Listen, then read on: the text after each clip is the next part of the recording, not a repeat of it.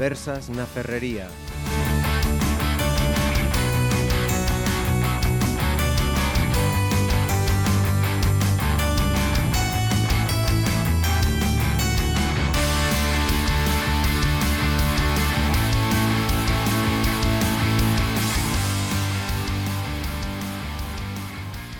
Cuidado, la hiperpaternidad ya está entre nosotros. Los expertos alertan, los niños de hoy en día son víctimas de una nueva epidemia que afecta a sus padres. Optan por sobreproteger a los niños, una conducta que les impide, según advierten, ser autónomos y hace que sean más frágiles, generando adolescentes y adultos con más miedos e inseguridades. ¿Protegemos en exceso a nuestros hijos? ¿Estamos limitando su desarrollo? ¿O por el contrario, es un fenómeno que se puede enmarcar en la legítima preocupación de los padres por el bienestar de sus hijos? Sobre estas cuestiones giran estas conversas na Ferrería de Pontevedra Viva Radio y para hablar de esta hiperpaternidad o hipermaternidad están con nosotros cuatro mujeres que aportarán su visión personal y profesional. Silvia Puga, profesora del Colegio de Ponte. Hola, buenos días. Johnny Ojeda, responsable del programa municipal Namorando. Muy buenas. Ala González, miembro de la directiva de FAMPA. Buenas. Y Ana Couto, pedagoga y experta en coaching familiar. Hola. Os voy a leer unas palabras de Eva Millet, autora de un libro llamado Hiperpaternidad, para abrir este, este debate, que dice, la hiperpaternidad ve a los hijos como seres intocables, a los que hay que defender, cueste lo que cueste, y solucionarles todos sus problemas. Este nuevo modelo de educación está llevándose por delante su autonomía y capacidad de frustración, además de generar niños y niñas con más miedos que nunca. Ana, tú como, como experta en este, en este ámbito, ¿qué opinas sobre esta reflexión de, de esta periodista? ¿Esto se está produciendo con los, con los niños de hoy en día, con los padres de hoy en día, o se está un poco exagerando o nos gusta mucho poner siempre etiquetas a, la, a las cosas? Cierto en, lo, en, en, las dos afirmaciones. Es verdad que nos gusta poner etiquetas, que todo tiene que estar eh, bien explicado con toda su teoría psicológica, pediátrica, con, poniendo toda la ciencia a disposición de explicar por qué le pasa esto a este niño. Y, y por otro lado es cierto que, que los padres tendemos cada vez más a sobreproteger a los niños eh, a solucionar todos sus problemas, a que los niños sean perfectos, hiperperfectos, tienen que hacer, eh, tienen una agenda complicadísima, más, tienen agendas más complicadas que algunos adultos y si somos de familia numerosa como es mi caso, ya cuadrar todas las tardes eh, es casi imposible, pero es la exigencia que los padres depositan sobre los hijos y a la vez la exigencia que la sociedad deposita sobre sus padres que tienen que ser eh, eh, responsables, casi también, exacto, ¿no? son responsables al 120% de todos los actos de sus hijos. Y quien quiere un hijo no perfecto, es decir, no solo es ser eh, aceptar los posibles errores que pueda tener ese hijo hacia él, sino también hacia el resto de la sociedad, es lo que esperan de nosotros como madres, como padres. Y un poco yo creo que nace de ahí ese deseo de, de hiperproteger, de, y no solo hacia él, que es cierto que nos cuesta muchísimo verles caer, verles tropezarse, verles que intentan hacer algo y no les sale. Entonces, con todo nuestro buen corazón, con nuestra buena intención, vamos a sanarle, a salvarle, yo te lo hago, no te preocupes, y sobre todo si vamos justos de tiempo, porque ahí ya, no te preocupes, ya te lo hago yo, y ya llegamos ahora y ya cumplimos nuestra agenda, tenemos todo nuestro horario y además lo hacemos bien, lo hacemos rápido y nosotros ya sabemos cómo lo hay que hacer. Entonces, la cosa va mucho más rodada. ¿Qué consecuencias tiene? Efectivamente, que el niño no aprende. No aprende a hacerlo por sí mismo y no aprende a aceptar que para conseguir hacerlo bien tengo que probar una y otra y otra y otra y en esos intentos es donde está el verdadero aprendizaje. Cuando no les sale, cuando les cuesta, cuando se desesperan y, dan, y se dan por vencidos y luego es cuando tienen que hablar, ahí es donde se da el verdadero aprendizaje, ahí donde está el motor también de su autoestima, por otro lado, que tanto queremos que tengan su autoestima perfecta, su buena autoestima, ¿dónde está? Ahí, en que se sientan valiosos y capaces para, no me sale, pues lo vuelvo a intentar, pues lo vuelvo a intentar, pues lo vuelvo a intentar, ahí es donde sienten que, que valen, que puedo, yo sé, yo puedo, yo lo intento, si me caí, bueno, pues me duele, me cuesta, pero mañana lo intento otra vez, y es un poco, bueno, desde mi opinión, uh -huh. creo que es un poco la clave. No sé si alguna de vosotras que sois madres os se, sentís identificadas en este relato y sobre sí. todo en lo que contaba Ana de esa mm, si también expresión social, es decir, que hay que ser perfectos de cara afuera, ¿no? de, cara, de cara a las personas que nos están viendo con nuestros niños. Yo estoy totalmente de acuerdo con con Ana, ¿no? En esa, en esa visión, en esa exigencia social, en esa exigencia como padres y como madres y en ese querer que nuestro hijo sea el mejor. Es como, yo creo que, que hay veces que se entra en una competición que, que, resulta absurda, ¿no? Pero desde que nacen, es decir, ¿en qué percentil está tu hijo o tu hija? dices, ¿Y, y, qué, ¿Y, qué, importancia tiene eso? ¿no? Claro. Porque cada, cada, niño...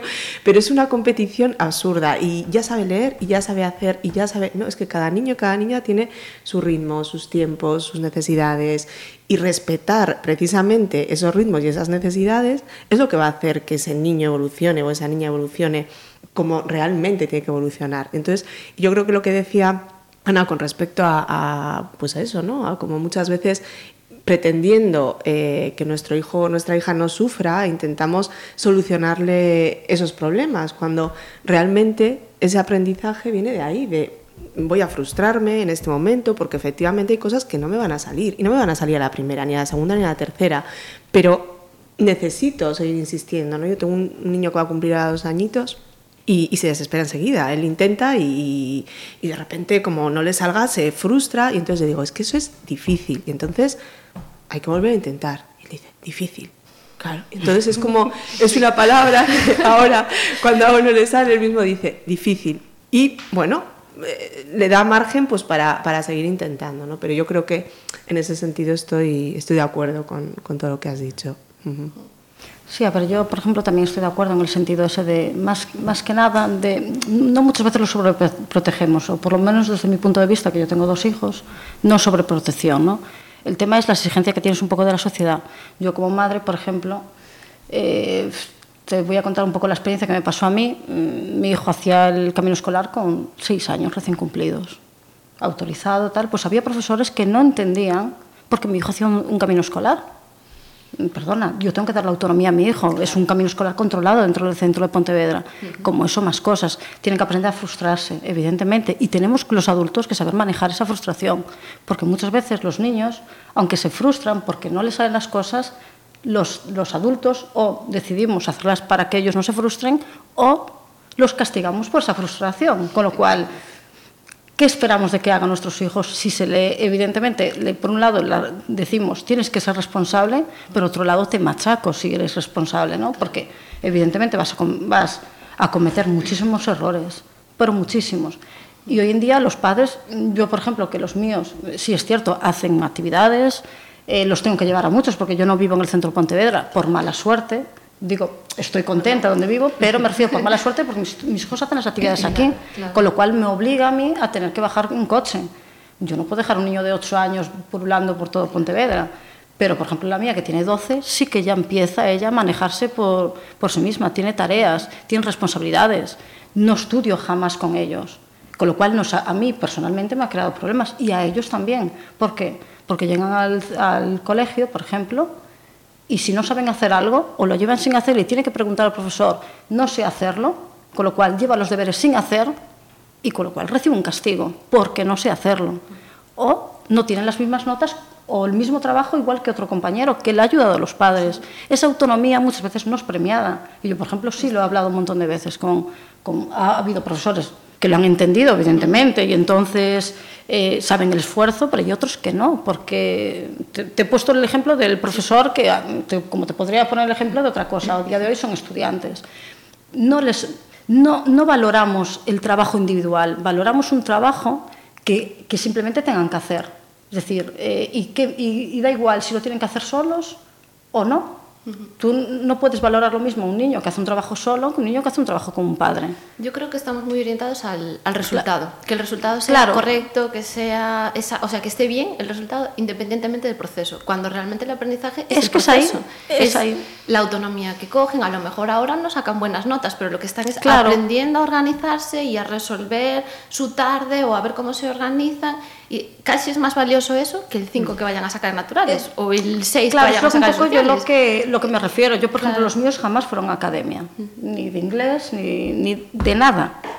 La cosa más rara, en, a lo mejor en su curso, sobre todo la mía, que está en, en la ESO. Claro. Pero es que no han tenido ningún problema de notas, no han tenido un problema de hacer un trabajo, no tienen, por eso digo, tienen esa autonomía para poder hacer ellos sus cosas. Les sale mal, pueden llevar los deberes sin hacer o hacerlos mal pero lo van a aprender ellos y van a cometer ellos sus errores. Entonces, eso es un poco lo que hay que valorar, ¿no? De qué autonomías tenemos que darle dentro de casa, que si tienen que hacer su cama le van a hacer mal y la tendrán que repetir 200.000 veces, y dentro de centro escolar otra, dentro de la ciudad otra, ¿no? Por en sus actividades. Tienen que ser responsables de llevar sus cosas, ser ellos organizados. Hasta cada edad tiene un, un límite, ¿no? Es decir, con cinco años tú no le puedes decir monta tu mochila y ya sabes lo que llevas, pero tendrás que enseñarle lo que está bien y lo que está mal. Pero eso es lo que hay que premiar y, no, y nos olvidamos de, ese, de esas cosas. Entonces, como lo que decía yo, muchas veces ser madre como, como soy yo te trae una serie de problemas, no a ti, porque a mí me da, me da igual que a lo mejor un, otro padre, otro profesor me, le parezca bien o mal lo que le digo, ¿no? Pero sí que a tus hijos sí. Entonces, claro, son los raros, vamos a dejarlo así, ¿no? Dentro de la sociedad. Y es un poco difícil, ¿no? Asumir, sobre todo por los niños, ¿no? Silvia, tú como, como profesora, eh, ¿cómo, ¿cómo, vives este, este fenómeno de la hiperpaternidad y un poco cómo es el, como, si has notado cambios un poco en esa, en esa evolución? Bueno, entonces a mí me toca cambiar de rol.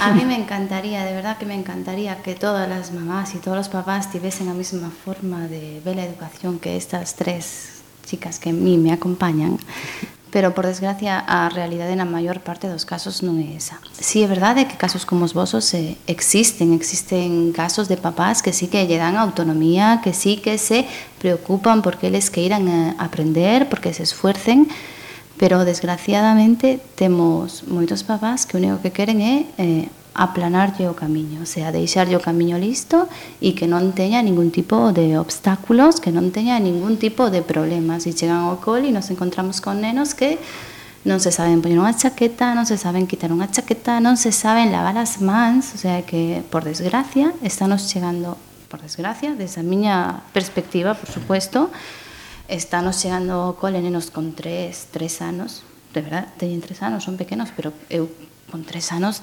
lavalas mans tampouco creo que sea un objetivo tan difícil de cumplir, o sea, ou saberse sonar los mocos, o sea, e por desgracia esa é unha realidad que estamos vivindo nos coles, que cada día os nenos nos chegan como menos autónomos, menos independientes, máis dependientes da gratificación inmediata, da falta de esfuerzo, o sea, pues mira, eh, aí tienes mi chaqueta, pues aí se queda, como non me la vistas tú, me da igual que haga frío, eh?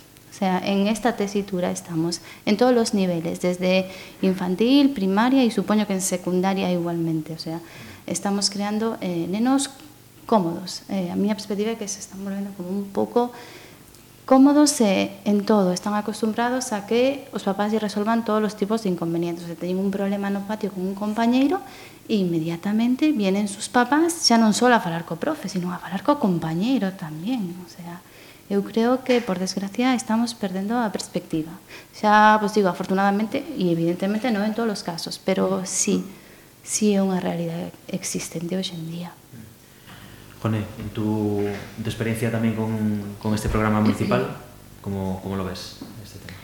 Sí, bueno, nosotros en, desde, desde Enamorando eh, se trata sobre todo en primaria, en primaria sí que hacemos mucho hincapié en, trabajar fundamentalmente las emociones básicas, ¿no? Y, yo sí que me doy cuenta que cuando, cuando trabajamos la rabia, ahora son poquitas sesiones, son siete sesiones, no nos da mucho más margen a poder consolidar cosas, pero cuando trabajamos la rabia, los niños, las niñas tienen muchísima necesidad de tener ese espacio para contar y hablar de sus problemas, que muchas veces Claro, los adultos estamos tan focalizados en nuestros problemas, que son los realmente importantes, que nos parecen tonterías los problemas que, que, están viviendo ellos y ellas.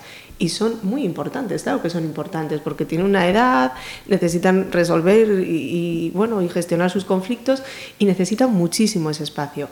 Y es un espacio que, que a veces no, lo que, lo que digo, ¿no? desde el mundo adulto no se le da la importancia que que, que, se debe y el que ellos tengan la oportunidad, y además es como que lo reclaman, el tener la oportunidad de gestionar sus propios conflictos, de hacerlo entre ellos, de, de, hablarlo, de buscar alternativas, y lo hacen genial. O sea, una vez que les dan la oportunidad, que es que lo hacen genial. Yo hay veces que me quedo alucinada, ¿no?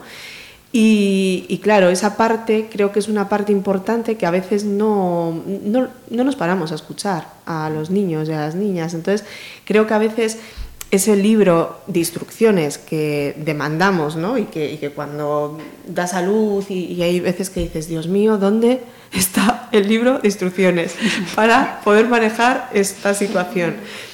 Creo que lo llevan puesto y que a veces nos tenemos que parar, o quitarnos nuestros, nuestros propios miedos y nuestras propias inseguridades y pararnos a escuchar. Cada niño, cada niña va a ser diferente y vamos a tener diferentes eh, modus operandi. Quiero decir que al final no, no, tenemos que llevar una guía y socialmente regirnos, es escuchar.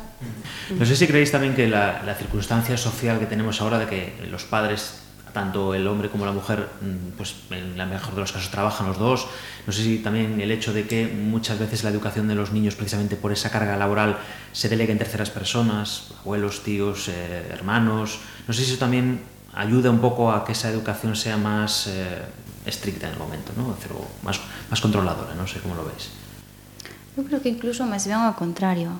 Creo que isos como papás nos fai máis permisivos, porque no momento en que tú tes que delegar eh, a educación dos teus fillos, bueno, a educación, o contacto, o tempo ese, despois te sintes como medio culpable e intentas eh, compensarlo.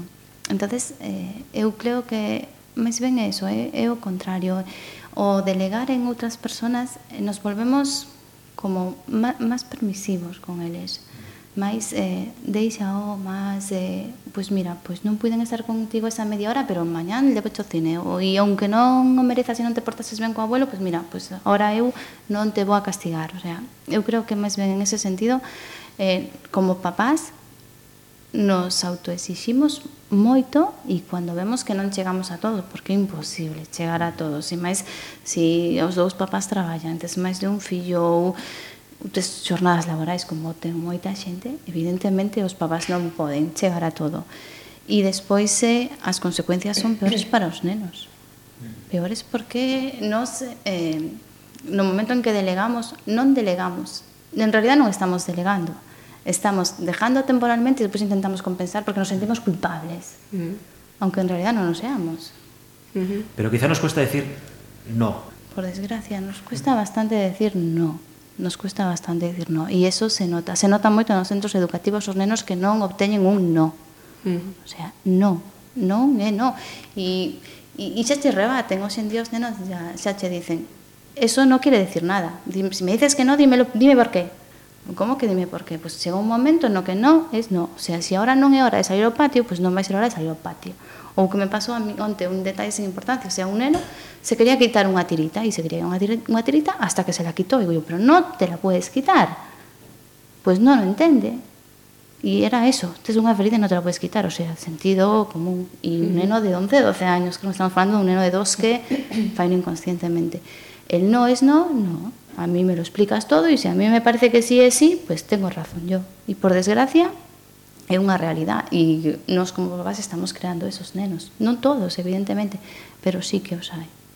Ana? Sí, ben é certo que sí que mm, exigen unha, un, exigen unha explicación, pero es mm, cierto tamén que cuando comprendes el no es más fácil sí. llegar a un acuerdo, es más fácil que, que te sigan, no por este motivo, el motivo será negociable o no, pero no es por mi capricho, cuando es eh, no por no, no creo, entienden no, qué motivo no hay detrás y es más fácil que luego lo reten. No por no, hoxe en día xa non existe. No por no, hoxe en día, a ver, igual en casos contados que eu non vexo, pero eu non conozo a ningún neno que lle digan no es no. O sea, estamos falando de cuando un chegamos a un no No, porque lo digo yo, muchas veces. Sí, muchas veces porque lo nos digo saltamos yo, eso. Y punto. Porque estás cansado y de terminas decirlo. ahí la discusión y eso No, eso é un vacío, o sea, pero claro. unha vez que eles, eu creo que moitos non chegan a comprender o significado da palabra no. E eso eso evidentemente é porque nunca lle dixeron ese no, non porque non lle dixeran no es no, o sea, sino porque nunca lle dixeron que no, claro, que no se puede ir al creo parque. Creo que son dos cosas diferentes. Por un lado, el límite, decir, no, hasta aquí y hasta aquí ¿vale? Y otra cosa es que es hasta aquí por un motivo, por tu seguridad, por eh, una explicación. Salud, cualquier niño necesita una explicación, da igual, igual la que, que tenga. Adultos, es sí. decir, igual que nosotros en el trabajo cuando nos dicen esto no se puede por algún motivo, es mucho más fácil que lo sigamos que si viene el jefe y dice no se puede dar esto. Porque lo digo yo. Y, a ver, es que no te estás dando cuenta, que no sé qué. Y a veces ese límite que nosotros marcamos, a veces no nos estamos dando cuenta de algo. Y cuando nos rebaten, No, y el problema es que a cuando veces son... ese no, pues podría ser un sí. Claro, y ya no solo es eso, es que, por ejemplo, el tener los límites y entenderlos eh, es muy bueno, sobre todo porque en, la- en primaria los niños, evidentemente, hasta cuarto, los vas llevando. Vas llevando, no están en la adolescencia, son niños que, bueno, las normas mm, deberían de acatártelas en casa y fuera de casa. Te puede tocar un rebelde, un niño que da más trabajo, pero normalmente las acatan. A partir de quinto es un problema, porque si los niños no entienden por qué no, cuando ya entiendo la vida, eh, no me va a valer. Cuando eh, a mí me están explicando una serie de, de cosas y, tú, y no lo entienden, ¿por qué yo sí y tú no? Porque eso, eso es lo primero que hay que explicar, ¿por qué yo sí y tú no? Empiezan a estar en una edad donde ellos empiezan a gestionar, donde ellos tienen que tener responsabilidades y ser adultos. Y si no entienden que, est- que esto lo tienes por esto, esto y esto, va mal. Igual que, eh, vamos a poner entre comillas, sus castigos. Tú no puedes decirle a un niño, yo te he castigado por portarte mal cuando no sabe lo que es portarse mal. Vamos a dejarlo así. Eh, si yo sé que si salto de aquí a aquí me castigas, yo ya sé que me vas a castigar. Entonces ya conozco la consecuencia. Pero si tú me castigas cuando yo he saltado sin saber que si saltaba me ibas a castigar, no lo entienden. Y entonces es ahí donde se revelan, donde tienes un niño que te va a estar cuestionando todo lo que hace y vas a ver tus límites, porque los, los niños, evidentemente, conocen los límites de los adultos. Y ahí es donde hay que tener un poco de cuidado, sobre todo cuando no lo entienden, o cuando ellos entienden su conclusión, porque si lo dejamos a que ellos entiendan lo que les dé la gana. Yo, por ejemplo, que los míos desde siempre les he dicho, eh, mira, eh, si haces esto, te pasa esto, independientemente que te lo hagan, porque no vamos a decir que no lo hagan, claro que lo van a hacer, pero saben su castigo una vez que lo han hecho. Lo pueden hacer, es una decisión de ellos. Van a decidir, pero se saben sus consecuencias, saben lo que pueden llegar a hacer, igual que aprobar, suspender, portarse bien, portarse mal, que es relativo siempre, ¿no? Siempre los comparamos con respecto al, al grupo en el que están, no a nivel individual, que es lo primero que tenemos que también aprender. Un niño está dentro de un grupo, pero nosotros no lo comparamos individualmente, lo comparamos en función de ese grupo. Te da igual si el niño tiene una característica especial, no la tiene, o lo que sea, lo estás siempre comparando. Y los adultos lo hacemos muchísimo, muchísimo. Y entonces ellos que se dedican a compararse también con el, respe- eh, con el grupo. Y, y si ya somos competitivos, se compiten entre ellos. Es decir, yo, por ejemplo, los míos casi nunca les digo las notas. ¿Qué importa la nota que tenga? Yo sé si tú puedes llegar aquí, no puedes llegar, o te exijo o no te exijo en función de cómo tú seas. Pero no te puedo exigir un 10 si no puedes llegar al 8. Pero yo sé que no vas a llegar al 8. Y me da igual que fulanito o menganito tengan un 10. No te puedo exigir más de lo que tú puedes dar. Pero si tú tienes que tener un 10, no voy a dejar que te mueras a, a dormir y que tengas un 8. Pero también depende del niño. Entonces, por eso digo que muchas veces comparamos o ponemos normas que no son acordes al niño que tenemos. Ya digo, tanto en casa como fuera. Y eso es lo primero que hay que aprender. Intentamos que un grupo funcione, pero un grupo no puede funcionar si tú a nivel individual, individual no pones también uno, una serie de características, porque no puedes tratarlos a todos exactamente igual. Es decir, los estándares no, no funcionan, ¿no? N- No, Yo creo que eso es clave, porque lo que tú decías, lo de si saltas va a pasar esto. ¿Cuál es el problema? Que hoy estoy cansado y si saltas no pasa nada. Mañana que estoy un poco más pendiente de ti, como saltaste te castigo. Al día siguiente Sí, estaba sí. hablando con no sé quién, no me di cuenta de que salta, entonces el niño no sabe si puede saltar o no puede, si puede o no puede. A veces pasa algo, a veces no pasa nada. De Claro, tienes que ser natural van a consecuente. retar, van a que, claro, claro, pero no nos damos cuenta de que, eh, sí, sí, nosotros tenemos claro que no se puede saltar, pero hay días que no estamos pendientes, a veces saltan y no pasa nada. Y ellos eso lo saben. Entonces, cuando el no hoy es no, mañana es a lo mejor, hoy como estamos Claro, no fuera. puedes cambiar tampoco tus Entonces, normas. claro, cuando la norma no está clara, pues claro que no la cumplen, porque eso va siempre a ganancia, lo que más Claro. interese. Y, y, y por tendencia van a, a retar, y más en la Sí. adolescencia, que hablabas, la adolescencia, aunque no sea rígido y lo tengan claro, lo van a retar Sí, igualmente. pero no es lo mismo. No es lo mismo tener una educación, una, una base, Sí. que no tener nada. Cuidado, Efectivamente, porque- pero muchas veces queremos que cumplan el no, pero no somos conscientes de cómo les invitamos a cumplir el no. Lo, primero es tener claro cuál es nuestra línea, cuál es nuestro límite donde no vamos a permitir, por, por el motivo que sea, o bien por su Sí. seguridad, o bien por eh, motivos académicos, por exigencia, por, porque los conocemos, porque sabemos cuáles son sus intereses. Una vez que lo tenemos claro, sí podemos exigir cumplir ese no. Claro. Y, y sí que es verdad que les hace crecer porque les ayuda a gestionar esa frustración, les ayuda a manejarse, a cuando en la adolescencia las frustraciones son mucho más complicadas, Sí. les cuesta muchísimo más eh, sobreponer- o sea, sobrellevarlo Sí, claro. por las características que tiene la etapa, pero ya desde pequeñitos pueden ir entrenando eso Claro, para eso que lo estoy diciendo yo, un la, la educación de base es que es, independientemente que eh, hay niños que con una muy buena educación se vuelven unos rebeldes, cuidado, no, tampoco vamos a decir que el rebelde es porque ha tenido mala educación, no. Tú puedes criar dos hijos más o menos iguales, vamos a dejarlo así, más o menos, porque nunca son iguales. Nunca son iguales. Y el rebelde siempre viene de algún sitio. Pero me refiero Casi que- siempre viene de Claro, pero a sido muy veces- autoritarios, muy controladores, porque a algo se tienen que revelar. Claro, entonces por eso digo que no siempre es que tú intentes llevarles unas normas y tal. Hay- luego influyen las características del niño y el mundo en el que se rodea. Por eso digo que no siempre es ni blanco ni negro, es gris. Es gris casi siempre. Pero la educación, si no tienen una mínima educación, una mínima de normas en el cole, en casa, en las actividades, ese niño lo más normal que se convierta en un rebelde. No quiere decir que, que lo sea, evidentemente. Está comprobado que no siempre es así. Pero es más fácil, es más fácil que vuelva a sus normas a que coja otras. La adolescencia, la adolescencia es una etapa malísima para los niños y para los padres, pero malísima. Pero el niño que tiene una educación, que tiene unas normas, intentará incumplirlas porque ya sabe dónde llegar, dónde no llegar, y ahí es donde tienes que negociar, ya no puede ser ni blanco ni negro, tiene que ser negociado. Pero evidentemente se van a revelar, es, es la, la etapa, pero luego volverán a su sitio en función de cómo puedan superar esa etapa.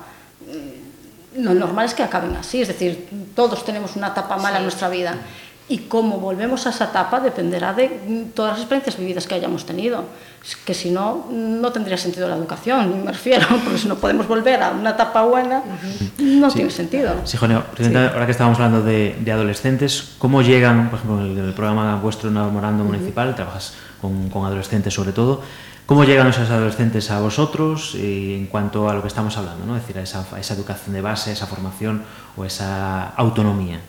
Bueno, en general, eh, fíjate, yo eh, con poquitos grupos, estamos más o menos con un abanico de 14 grupos cuando, cuando iniciamos ¿no? en, secundaria, cada año cuando hacemos el programa y la verdad que no, no suelen existir grandes problemas ¿no? a la hora de, manejar, son siete sesiones, son sesiones en las que...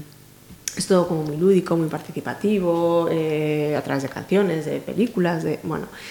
Eh, pero sí que es verdad que este año hubo un grupo especialmente en el que eh, había constantemente faltas de respeto, pero o sea, un nivel que yo decía, bueno, esto es increíble, ¿no? Porque además son actividades como muy en las que pueden debatir, pueden, eh, yo qué sé, o hacemos un teatro, hacemos un role-playing, o analizamos una canción, o yo en clase les permito, cuando ponemos una canción, pues cantar o bailar, si necesitan hacerlo, tal, y después, pues sí, ahora nos sentamos y hablamos, y, y entonces esas faltas de respeto de estoy mm, mientras tú estás hablando yo estoy mirando al móvil, eh, mm, déjame que termine la partida, eh, hablo por la ventana y saludo a, a no sé quién que está pasando. Yo, o sea, en esa situación, que no es algo que suele pasar, quiero decir, a ver, hay más o más momentos que pueden ser difíciles, que tienes que parar la clase y tal, pero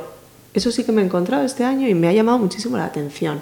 He dicho, qué curioso, ¿no? ¿Qué está pasando? ¿Qué, qué... Claro, entonces en esos momentos eh, te planteas y te planteas, bueno, pues, ¿qué, ¿qué puedes hacer? Y cómo puedes abordar ese tema de la mejor forma posible, porque a veces, claro, entra en juego también tu falta de paciencia, tu día malo, tu cansancio, tu... Y claro, eso es importante, ¿no? Yo creo que como las personas que estamos en algún momento acompañando a estos niños y niñas en la educación, tenemos que, que, intentar manejar también esas situaciones que a veces te, te sobrepasan, ¿no? porque te, te, enfadan muchísimo y te parecen inconcebibles, ¿no? pero están, claro, están ahí.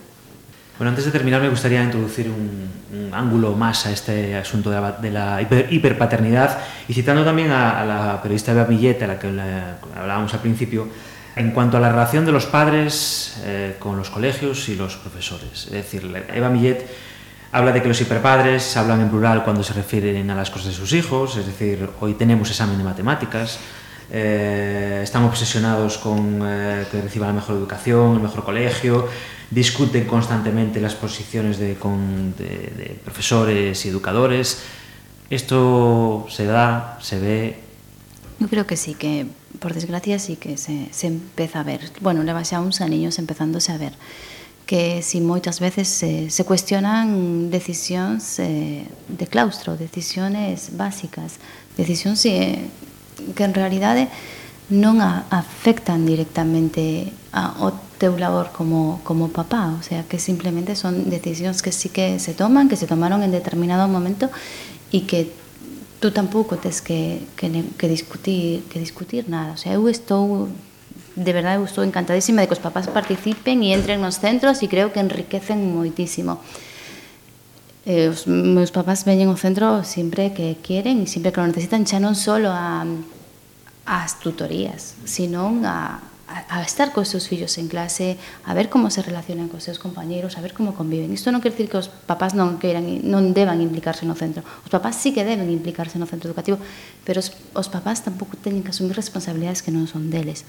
Os papás non teñen que ser os encargados de que un neno de sexto lleve su merienda al cole. Non, un neno de sexto, pois pola mañán se terá que coller su merenda ou simplemente meterá na bolsa. E se o profe lle dice, mañán metes que ter un pincel, pois terá que traer o pincel. se non hai lle dirá a súa mamá comprame el pincel, pero despois a súa mamá non lle ten que preparar a mochila, a súa mamá non ten que ir onde o profe de matemáticas porque el niño suspendió el examen, se non foi antes a saber que pasaba. O sea, eu creo que a veces os papás están empezando a tomar funcións que non son deles eh, con respecto aos seus fillos e despois tamén queren eh, igual esperan dos profesores, igual que comprendamos que sus hijos son especialísimos. Vale, todos os nenos son especiales, todos os nenos son distintos, todos os nenos podemos facer moitas cousas, pero eh, eu creo que temos que, que os papás deben entender hasta onde poden eh, axudarlle e hasta onde xa entra dentro da súa autonomía e da súa, das súas capacidades e das súas habilidades e destrezas. Bueno, no estoy totalmente de acuerdo. A ver, es cierto que muchos padres eh, se meten en asuntos que no tienen nada que ver con su parte de, de que le corresponde, ¿no? Como padre o madre, ¿no? Eso es cierto. Pero, por ejemplo, también es cierto que en los centros escolares muchas veces pasa que se les mandan tareas a nuestros hijos que sin la ayuda de un padre no podría hacerlas. Con lo cual, es una yo no voy a decir como una falta de respeto, no lo quiero meter por ahí, pero es que al final te obliga a que estar allí ayudando a tu hijo, algo que no daría autonomía, que tienes que estar haciendo un trabajo, que, perdona, pero yo ya me quité mi parte de, de estudios, con lo cual no debería de estar haciendo ese trabajo si quiero darle si quiero darle esa autonomía, porque entonces el niño no va a entender porque ahora tengo que estudiar solo y ahora tengo que hacer el trabajo acompañado. No son tareas acordes a su edad. Eso por un lado. Eh, por el otro, a ver, por suerte, yo digo, es una suerte, hoy en día casi todos tenemos estudios, casi todos los padres podemos echar una mano, pero ya tam también es, no es el primer caso donde un padre sabe más que un profesor, me refiero, sabe más en el sentido de los errores que comete un profesor y que no sabe asumirlos, ¿no? Te, lo, te, pongo, te hablo por la experiencia de, a ver, a mí no me ha tocado, pero sí tenemos experiencia de otros padres, ¿no?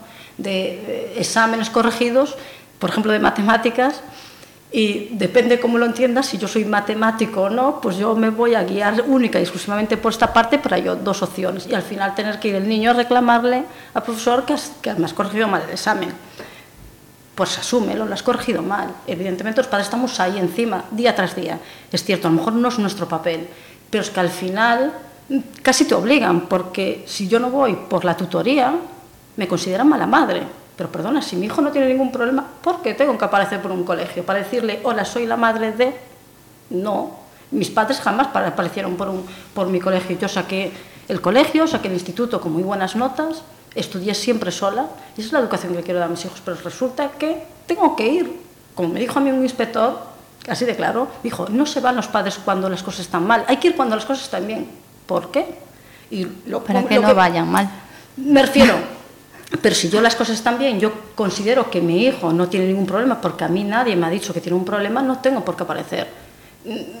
Como dices tú, eh, ¿por qué va un padre cuando suspende matemáticas? Porque si yo mi hijo hasta ahora ha quitado notables sobresalientes y de repente tiene un 3 y me lo encuentro en las notas, es que ya sería el profesor de matemáticas que me dijera, oye, su hijo llega, va a llegar a, a, suspender la asignatura por esto, esto, esto. Yo como padre no estoy en el centro escolar para saber si mi hijo está llevando bien las clases ese trimestre, pero por ejemplo. Es que las tutorías.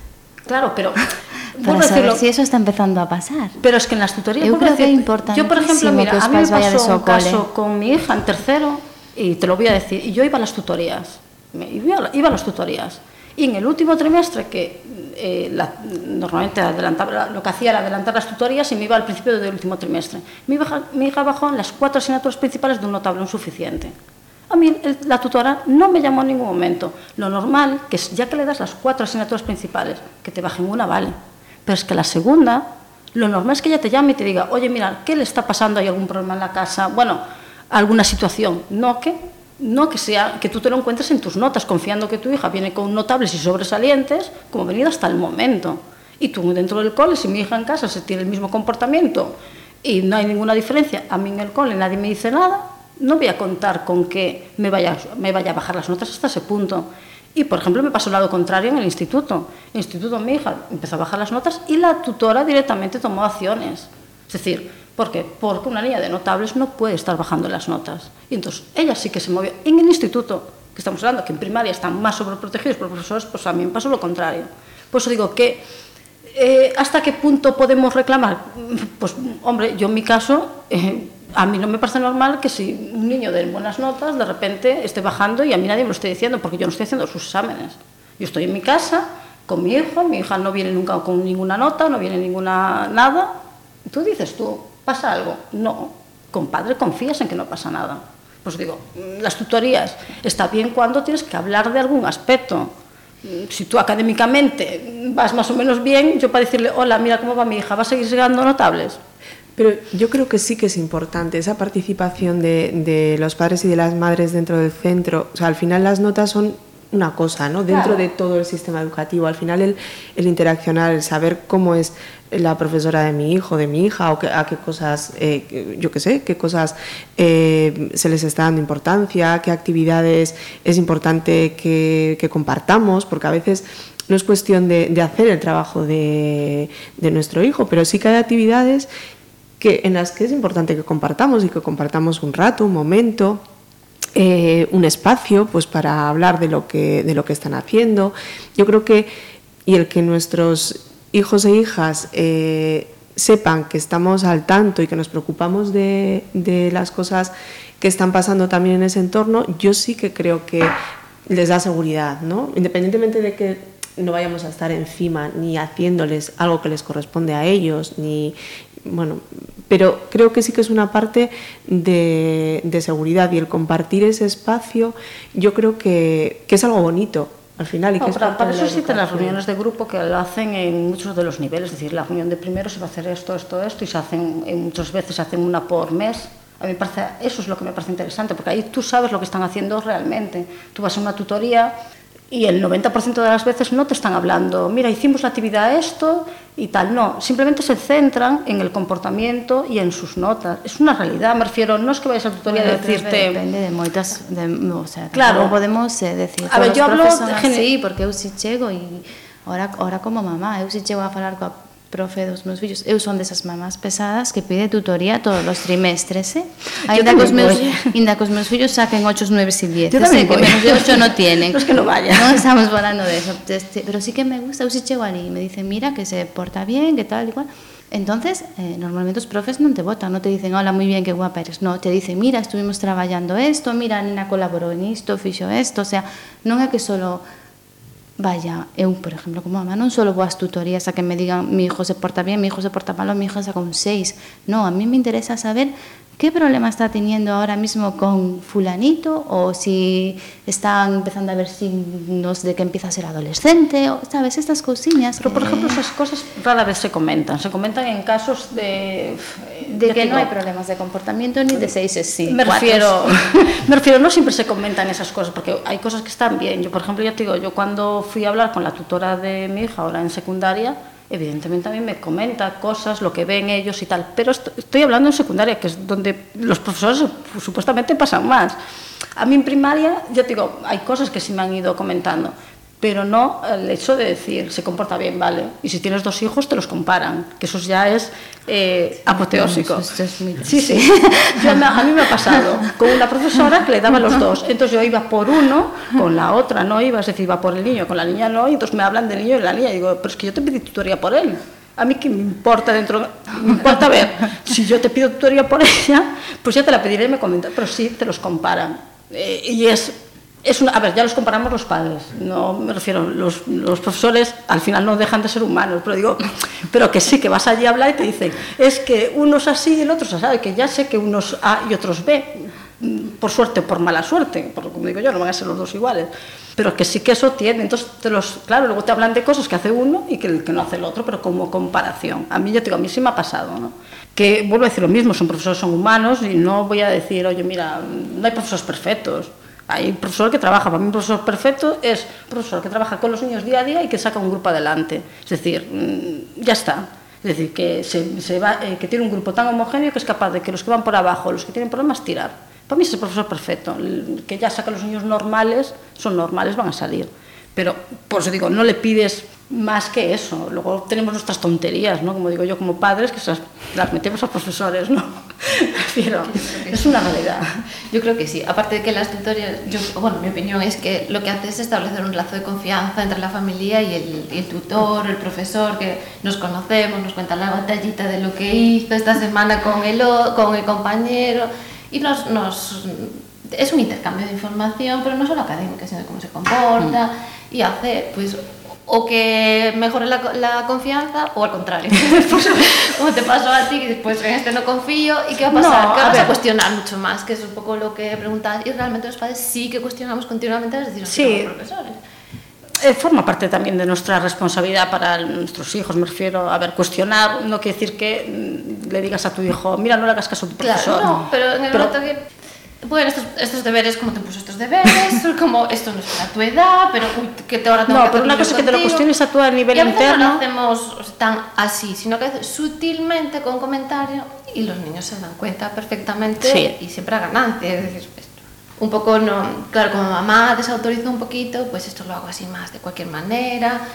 Y, y no, no somos conscientes para nada, es decir, nosotros tenemos una, una opinión sobre lo que debería ser un profesor o lo que Claro. debería de estar bien y no coincide con el profesor que nos tocó este curso. Entonces sí que, claro, como tenemos una idea y sabemos lo que queremos y son nuestros hijos y es lo más importante que tenemos, pues claro que ponemos todo nuestro empeño. Yo creo que Ahí el problema que tenemos es que tenemos, WhatsApp, tenemos que una idea muy... Me refiero del hijo perfecto, el profesor Claro. perfecto, el padre perfecto, ¿no? Y, y la y, sociedad nos obliga. y queremos tender ahí, claro. Y entonces, claro, a ver, eso es cierto, a ver, yo para mí, ya te digo, y luego nos damos cuenta que ni siquiera hemos sido exigentes con nosotros mismos, ¿no? Porque, porque es una realidad.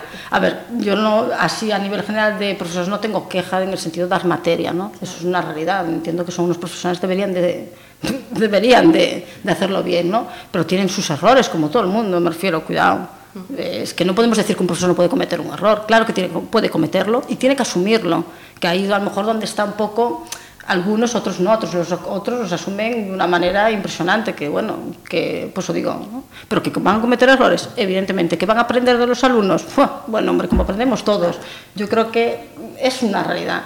Y yo las tutorías me refiero en el sentido de cómo se el hecho de que si no apareces en la tutoría, yo me puedo ver al profesor y mirarlo y saber quién es y tener una relación diferente, pero sin tener que estar en una tutoría, me refiero como tal es la tutoría, ¿no?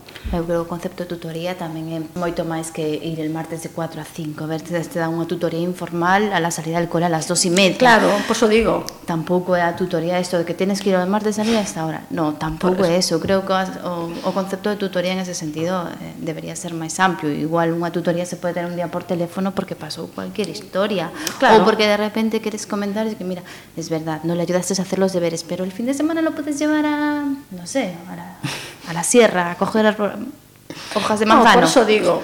Yo me refiero en el sentido del hecho de lo que se llama la tutoría y para qué sirve, me refiero. Yo, por ejemplo, los profesores de mis hijos siempre los he conocido, pero no, yo claro, llegas infantil, yo madre de, de la época nuestra, donde nuestros padres me parecían, y decían, hay que ir tutoría, y yo, "Mm, ¿cómo? claro, si yo ya veía a mi pro- al profesor de, de mi hijo, me refiero todos los días, y al de mi hija, me refiero a la salida, y a lo mejor te comentaba pequeños detalles, digo, ¿para qué voy a ir tutoría? Dime si necesitas porque hay que comentar algo mm, importante, ¿no? Sea bueno, sea malo, ¿no? Pero el hecho ese de tutoría, me refiero que si no vas, que les llama la atención, ¿no? Me refiero eh, ahí, ¿no? Que lo vas a conocer, evidentemente está bien que conozcas los profesores de tus hijos. Una, porque sabes un poco por dónde están tirando tanto tus hijos como poder manejar una situación, ¿no? De que te vienen a casa con tonterías, de eh, me pasó esto con el profesor y claro, tú dices, tú, ¿cómo va a hacer? Un profesor, ¿no? Pero tienes que escuchar las dos partes, de todas maneras escuchas a tu hijo y vas a hablar con el profesor, que lo hacemos mucho, ¿no? Pero también tienes que saber un poco de dónde tienes que tirar de cada uno, ¿no? No, no, no hay verdades absolutas, aunque tú tengas que defender al profesor delante de tu hijo y a tu hijo delante del profesor, porque eso al final lo acabamos haciendo.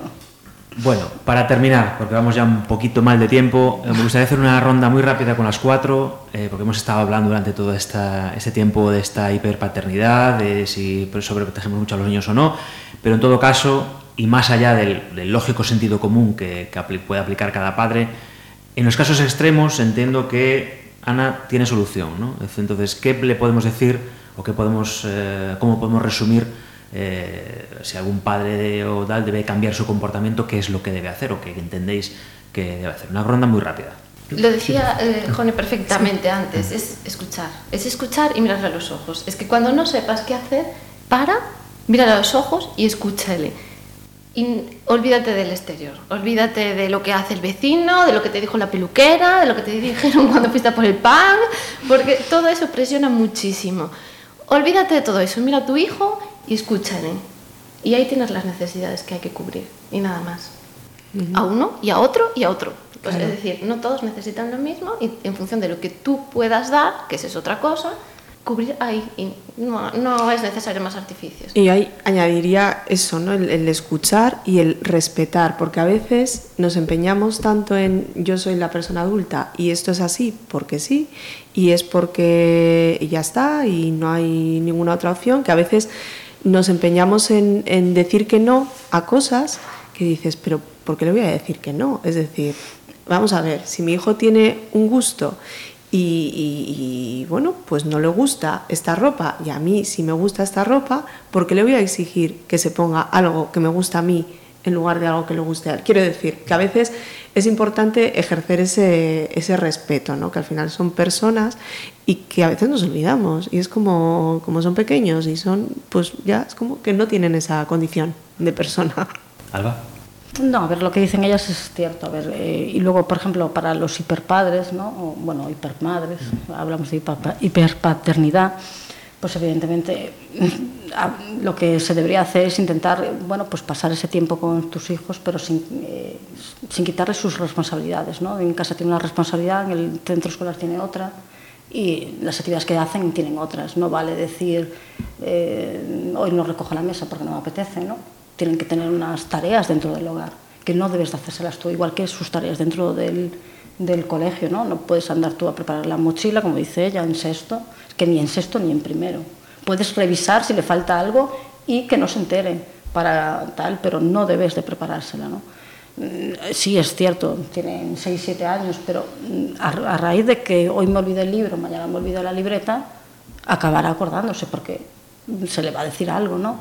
Entonces, en ese sentido, es cierto, tenemos que ser responsables con ellos, ¿no? De vigilar lo que está bien, lo que está mal, para evitar que que no se desvíen, ¿no? por así decirlo, entre, por un camino que nosotros tenemos marcado, pero sin olvidarnos de que ellos van a marcar el suyo propio, pero cuando tengan una edad suficiente, mientras tendrán que ir un poco por su camino, pero tienes que darles responsabilidades para que cuando tengan que tomar las riendas de su vida sean totalmente autónomos, si no van a depender de ti hasta para la decisión de escoger carrera, ¿no? que es muy triste. Y ahí tendrían que ser ellos los que decidan qué es lo que quiero estudiar y lo que no, por ejemplo. ¿no? Silvia, cerramos contigo. Eu creo que ademais de darlle responsabilidade aos nenos, que é fundamental, eh, tamén hai que darlle, no caso dos hiperpadres, non de, en general, liberdade. Liberdade ah. aos nenos para que poidan escoller, para que saiban escoller. Uns papás que se, que se relaxen, no sentido de que eles non son os responsables de todo que vaya a facer ese neno. Nos como papás, evidentemente, nos esforzaremos por darlle todo o que tengamos a, a bien, pero non somos eh, responsables últimos de todas as súas decisións. Entonces, eh, eu creo que relaxarse en na maternidade e na paternidade é moi importante, non ser autoexixentes con nós mesmos e autoexixentes con eles. A ver, se hai nenos de deces, pero hai nenos que son nenos de oitos. E se é un neno de oito, non lle exixas un dez porque vos vades a frustrar tú e el. Entón, hai que saber onde está o, o límite. Pues en estas conversas na ferrería hemos tratado de analizar un poco lo que se ha dado en llamar hiperpaternidad, un fenómeno que, como habéis escuchado, tiene muchos matices, como han expuesto nuestras cuatro invitadas, Jone Ojeda, Silvia Puga, Ana Couto, Alba González, muchas gracias a las cuatro. Gracias a. Y seguro que seguiremos hablando de, de educación en este programa porque desde luego hay muchos ángulos y muy apasionantes para seguir analizando. Nos vemos la semana que viene.